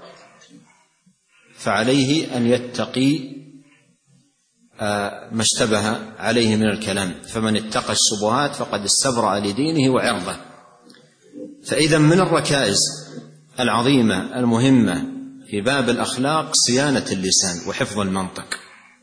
أما الإنسان الذي منفلت لسانه وليس منضبط ويسارع إلى الكلام ولا يتفكر فيما يقول ليس مؤهلا إلى أن يكون متحليا بالأخلاق الفاضلة والآداب الكاملة لأن لسانه سيورطه في أمور كثيرة. تتنافى مع الاخلاق ورب كلمه قالت لصاحبها دعني والكلمة تملكها وان تكلمت بها ملكتك Kemudian beliau menyebutkan yang kedua atau hadis yang kedua yang berkaitan dengan uh, dasar-dasar uh, yang berkaitan dengan akhlak yang mulia yaitu sabda Rasulullah sallallahu alaihi wasallam di mana Rasulullah SAW bersabda barang siapa yang beriman kepada Allah dan hari akhir maka hendaklah dia berkata yang baik atau dia diam. Hadis ini memiliki peringatan kepada kita tentang hal yang sangat penting dari akhlak yang berkaitan dengan lisan dan juga menjaga lisan. Dan menjaga lisan dari perkataan-perkataan yang buruk adalah merupakan akhlak yang mulia dan yang wajib yang harus dilihat dan dilakukan oleh seorang muslim bahwasanya hendaklah ketika dia ingin berbicara hendaklah dia melihat apa yang akan dia katakan. Kalau apa yang hendak dia katakan atau yang akan dia katakan itu baik, maka dia ucapkan. Dan kalau apa yang ingin dia katakan itu buruk, maka hendaklah dia meninggalkannya atau tidak mengatakannya. Dan kalau misalnya apa yang akan dia katakan itu samar atau dia ada apa namanya kesamaran, apakah dia itu perkataan yang baik atau perkataan yang buruk, maka hendaklah dia tinggalkan. Karena seseorang yang menjaga diri dari perkara-perkara subuhat atau yang samar, maka sungguh dia telah mensucikan uh, bagi dirinya yaitu agamanya dan juga kehormatannya. Oleh karena itu menjaga lisan dan memeliharanya adalah merupakan akhlak yang mulia. Artinya menjaga lisan dari perkataan-perkataan yang buruk itu merupakan akhlak yang mulia dan seseorang yang tidak bisa mengendalikan lisannya dan mengatakan perkataan-perkataan yang buruk dan tidak bisa mengendalikan lisannya orang yang seperti ini tidak pantas dan tidak cocok dan tidak akan mungkin dan tidak akan apa namanya cocok dan pas untuk dia siap untuk menjadi orang yang berakhlak. Karena orang yang berakhlak dan beradab, dia menjaga lisannya dan memelihara lisannya dari keburukan. Dan kalimat yang belum diucapkan seseorang maka kita memilikinya. Tetapi ucapan atau kalimat yang sudah dikeluarkan oleh seseorang dia tidak memilikinya. Kalau itu perkataan yang baik maka itu akan bermanfaat bagi orang lain. Dan kalau itu buruk, maka dia tidak lagi memilikinya untuk mengendalikannya, tentu dia akan juga berakibat buruk bagi dirinya dan bagi orang lain. الحديث الثالث قول النبي صلى الله عليه وسلم للرجل الذي قال اوصني قال لا تغضب وهذا الحديث فيه التنبيه على ركيزة ثالثة مهمة من ركائز الأخلاق وهي تجنب رعونة النفس. النفس لها رعونات. ولا ينبغي أن تكون هذه الرعونة التي في النفس هي المؤثرة للإنسان في تعاملاته من قول أو فعل. بحيث إن المواقف المزعجة أو المؤسفة أو المؤلمة هي التي تؤثر فيه. فإذا كان الشخص بهذه الصفة المواقف المزعجة أو أو المؤلمة هي التي تؤثر فيه في تعاملاته أو أقواله أو أفعاله هذا أيضا ليس مؤهلا لأن يكون متحليا بالأخلاق الفاضلة. والخلق الفاضل لا ينطلق من المواقف التي تزعج النفس أو تؤلم الإنسان وإنما ينطلق من قاعدة متينة ثابتة عند الإنسان لا تغيرها المواقف. وفي قول النبي صلى الله عليه وسلم لا تغضب تنبيه إلى ضبط النفس في مثل هذه الحال. تنبيه إلى ضبط النفس في مثل هذه الحال. قال لا تغضب. بمعنى أن الغضب موقف مؤثر له تأثير سلبي على الإنسان في أقواله إن قال وأفعاله إن فعل. فعليه وقت الغضب أن يتوقف عن الأقوال والأفعال تماما. ولهذا جاء في الحديث إذا غضب أحدكم فليسكت. هذا يتعلق باللسان حال الغضب. في الحديث الآخر قال إذا غضب أحدكم فليجلس فإن سكن غضبه وإلا فليضطجع. لماذا؟ لأن هذا ضبط للأفعال. فيحتاج الإنسان في باب الأخلاق تجنب رعونات النفس حتى تنضبط. له أقواله وأفعاله. أما إذا كانت المواقف هي التي تؤثر فيه لن يكون في تعاملاته خلوقا. لن يكون في تعاملاته خلوقا. ومن أحسن ما مر علي في وصف الغضب قول أحدهم الغضب أوله جنون وآخره ندم. أوله جنون يعني تصرفات الإنسان حال الغضب تصرفات شخص أشبه بالمجنون سواء الأقوال أو الأفعال. لكن إذا مسك نفسه وقت الغضب دقائق حتى تنطفئ جمرة الغضب ثم بعد ذلك بدأ يتكلم مع من أغضبه أو يفعل مع من أغضبه تجد أفعاله وأقواله منضبطة. إذا من الركائز المهمة في باب الأخلاق ضبط هذا الجانب حتى لا تكون هذه المواقف هي المؤثرة على الإنسان في تعاملاته. Kemudian beliau menyebutkan yaitu hadis yang ketiga tentang seorang sahabat yang datang kepada Rasulullah SAW. Kemudian dia berkata kepada Rasulullah, Ya Rasulullah berikanlah wasiat kepadaku. Kemudian Rasulullah SAW mengatakan, jangan engkau marah. Hadis Rasulullah SAW ini sebagai peringatan atau pengingatan tentang hal yang mendasar yang pokok yang berkaitan dengan akhlak yang mulia dan dari situ dibinanya akhlak yang mulia yaitu seorang harus meninggalkan yaitu sifat kedunguan atau sifat yang tidak apa namanya terkendali yaitu menjaga diri dari hal-hal yang menyebabkan dia marah sehingga tidak bisa mengendalikan diri dan juga dari kedunguan sikap karena sebab kemarahan tersebut karena seseorang kalau dia tidak bisa mengendalikan dirinya karena marah, itu akan sangat mempengaruhi perilaku dan juga muamalah dia kepada manusia.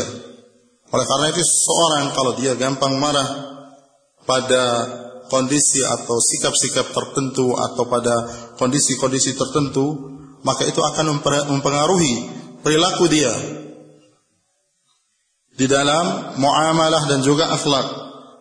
Dan orang yang tidak bisa mengendalikan diri dalam artian gampang marah pada kondisi-kondisi tertentu dan mudah marah, mudah apa namanya untuk melakukan hal-hal yang sifatnya menunjukkan kedunguan dirinya, maka orang seperti ini tidak cocok untuk dia ada padanya akhlak yang mulia atau uh, akhlak yang fadilah.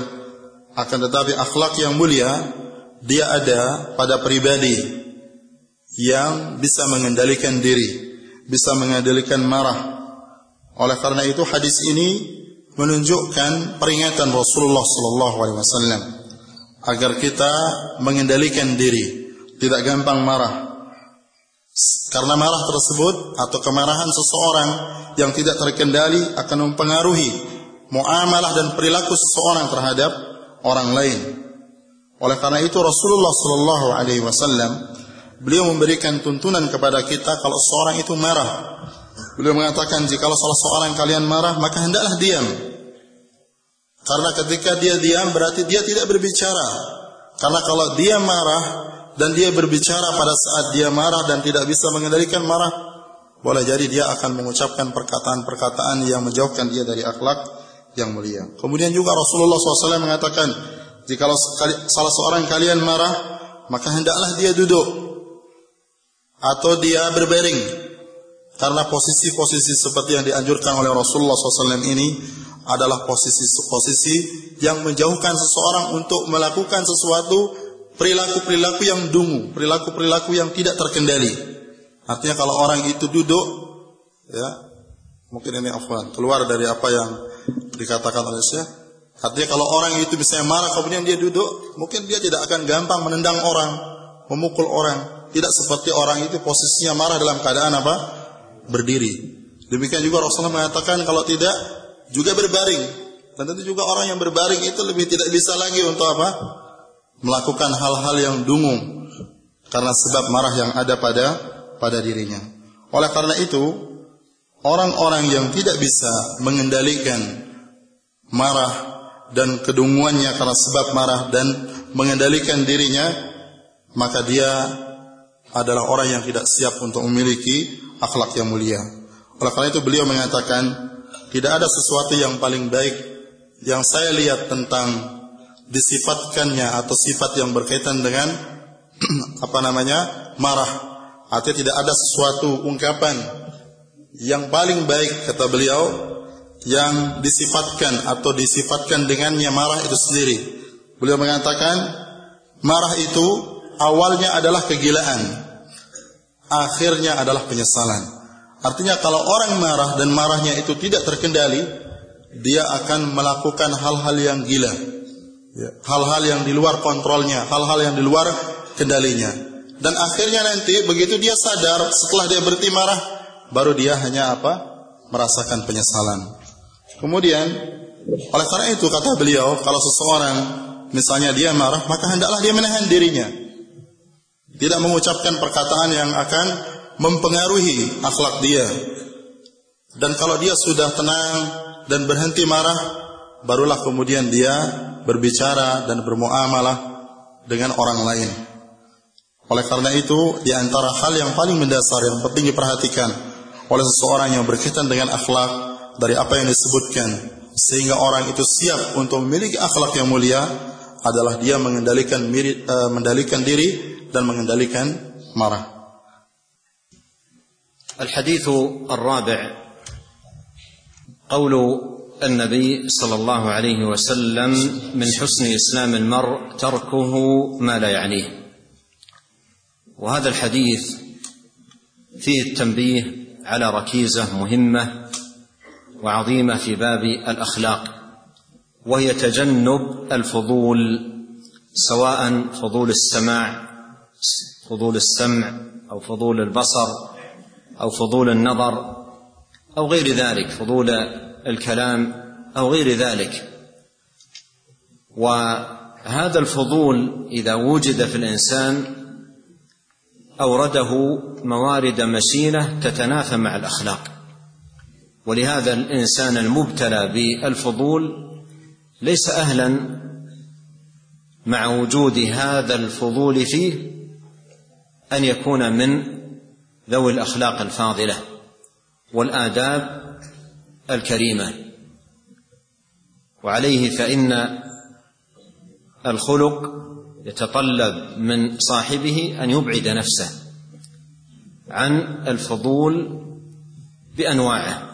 والامام ابن القيم رحمه الله تعالى واظنه في الجواب الكافي له كلام جميل نافع عن الفضول وانواعه وبيان خطورته على الانسان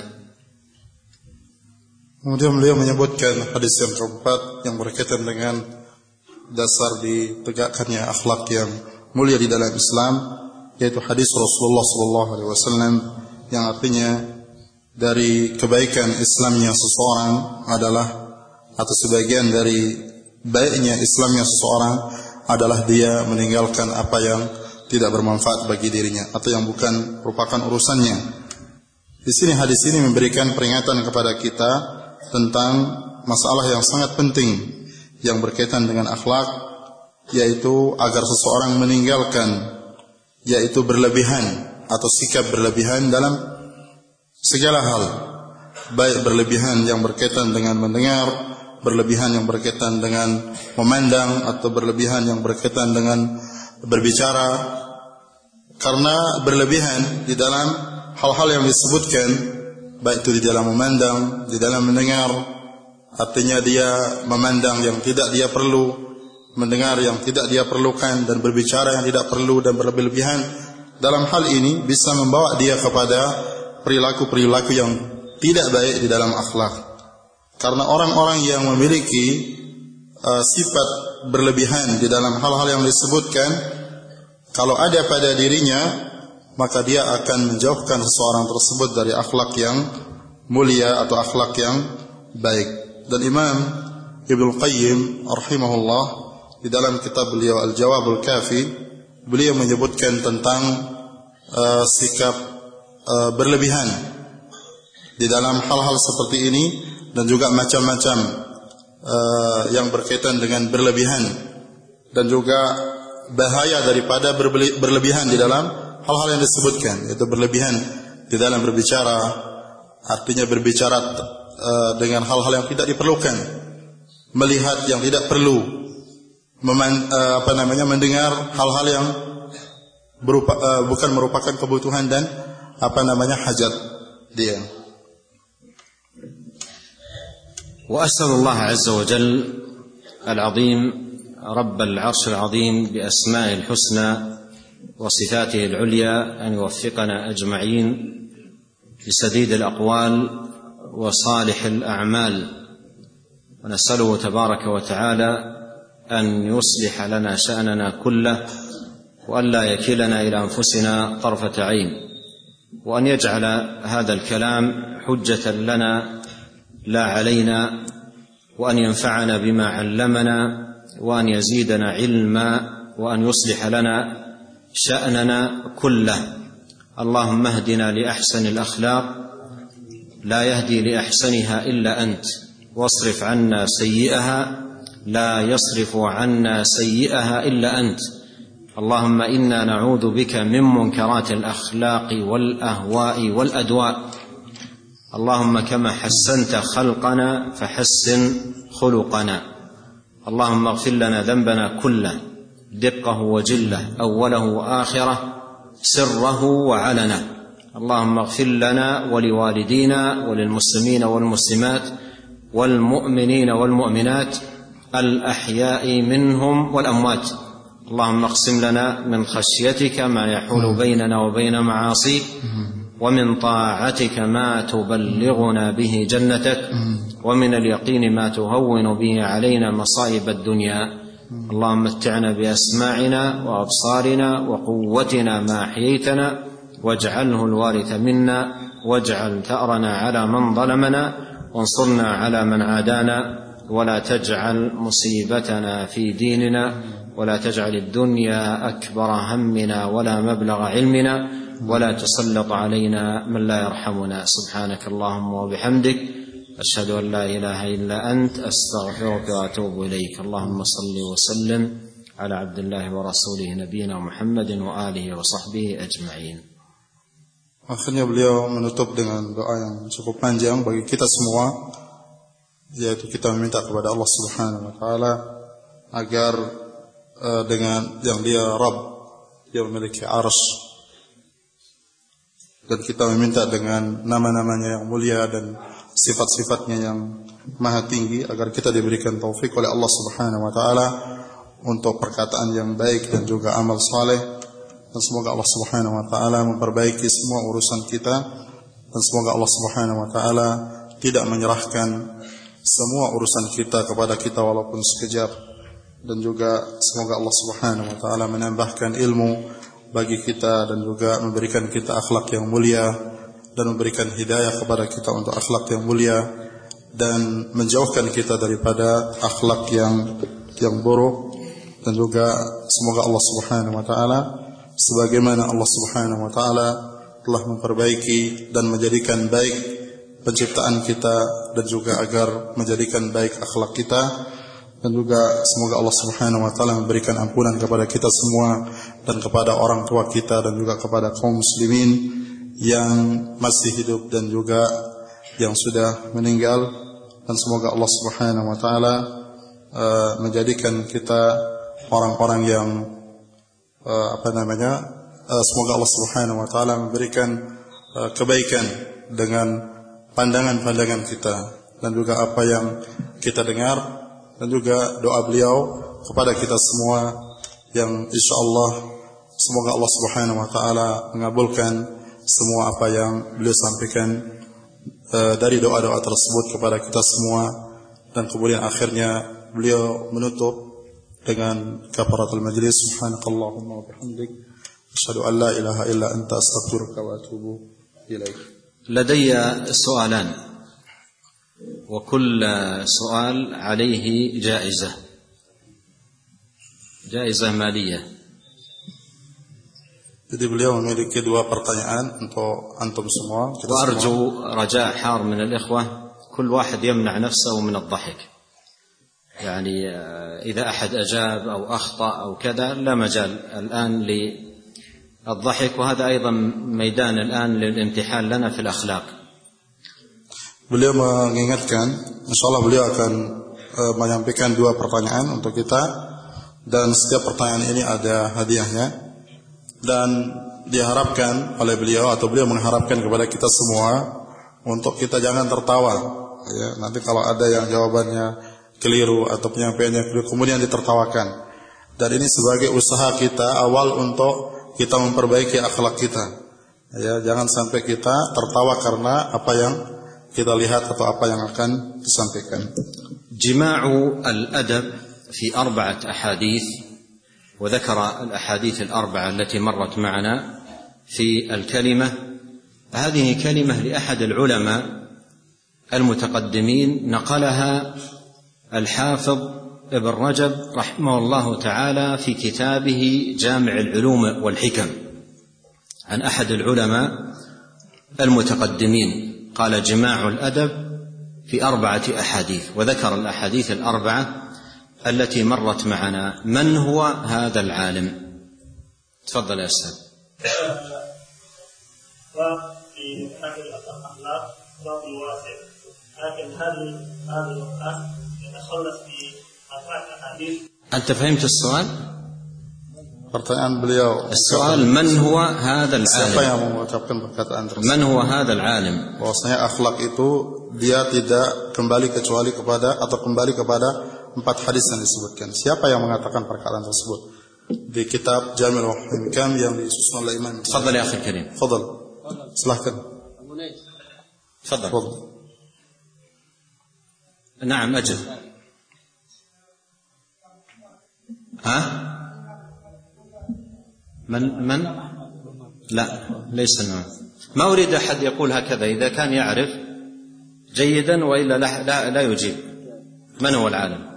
الحمدلي هو أحد العلماء الكبار في المملكة الحنابلة وهو أحد العلماء الذين شرحوا النووية ما ما فهمت السؤال. Siapa, siapa yang mengucapkan? Man fa'iluhu. اشرح لهم السؤال مرة ثانية. Jadi beliau menyebutkan bahwasanya apa namanya adab itu terkumpul pada empat hadis yang disebutkan tadi yang sudah dijelaskan dan itu dijelaskan oleh Imam Ibn Rajab Al Hambali di kitab beliau Jami'ul Ulum Wal Hikam. Beliau menukil perkataan seorang ulama yang mengatakan bahwasanya apa namanya adab itu terkumpul pada empat hadis yang disebutkan.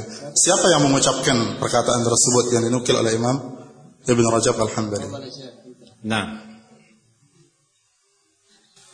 نعم وهو الإمام النووي يا شيخ لا في حديث في كتاب الأربعين النووي لا ما فهمتم السؤال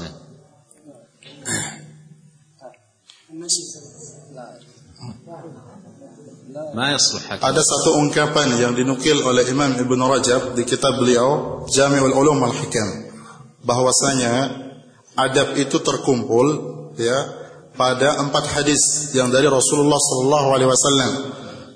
Siapa yang mengatakan perkataan tersebut? الجواب ابن أبي زيد القيرواني والجائزة ستبقى لي أنا الج- ال- ال- الجواب ابن أبي زيد القيرواني ابن أبي زيد القيرواني السؤال الثاني يقول لي أعرف ال- الجواب لا هو قال الجواب خارج المسائل التي ذكرتم نعم أنا ما ذكرت. أنا ما ذكرت. هذا اختبار المعلومات الخارجية.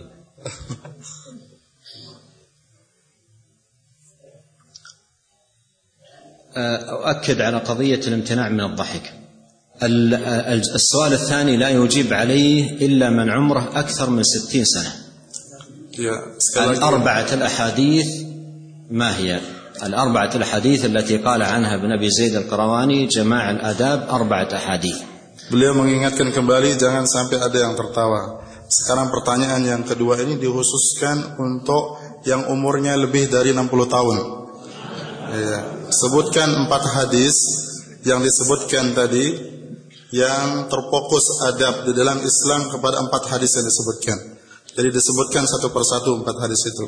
syaratnya dia harus umurnya lebih dari 60 tahun. Di antaranya di sini ada Ustaz Mahsun ini yang 60 tahun.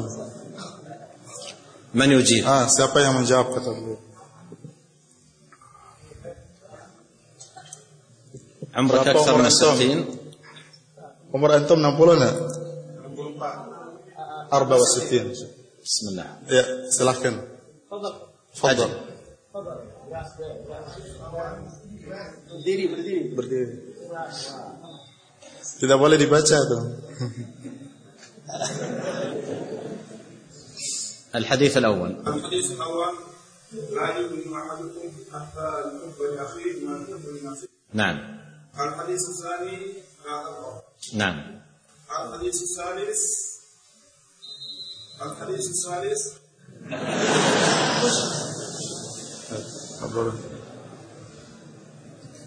من كان يؤمن بالله واليوم الآخر فليكن خيرا أو ليصمت. الحديث الرابع. الحديث الرابع. Tidak boleh diberitahu itu. لا يؤمن أحدكم لا هذا انتهى. من حسن من حسن إسلام المرء تركه ما لا يعنيه Masya طيب Allah. تفضل. تفضل. لا خلي تصل إليه. هذه هدية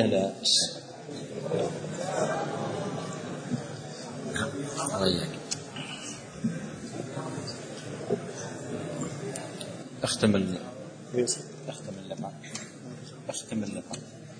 dan uh, ونختم هذه uh, هذا اللقاء المبارك بشيخنا الفاضل الدكتور عبد الرزاق بن عبد المحسن العباد. وجزاه الله خيرا على ما ألقى وأفاد ونسأل الله تبارك وتعالى أن يبارك فيه وأن ينفع به الإسلام والمسلمين uh, akhirnya kita tutup uh, pertemuan kita dan kajian kita pada hari ini dan kita berdoa kepada Allah Subhanahu wa taala semoga Allah Subhanahu wa taala memberikan keberkahan dan juga memberikan uh, manfaat yang banyak pada apa yang beliau sampaikan dan semoga Allah Subhanahu wa taala membalas apa yang beliau sampaikan pada kita semua pada kajian ini. Wa sallallahu ala nabiyyina Muhammad wa ala alihi wa sahbihi wa sallam. Wa akhir da'wana alhamdulillahi rabbil alamin.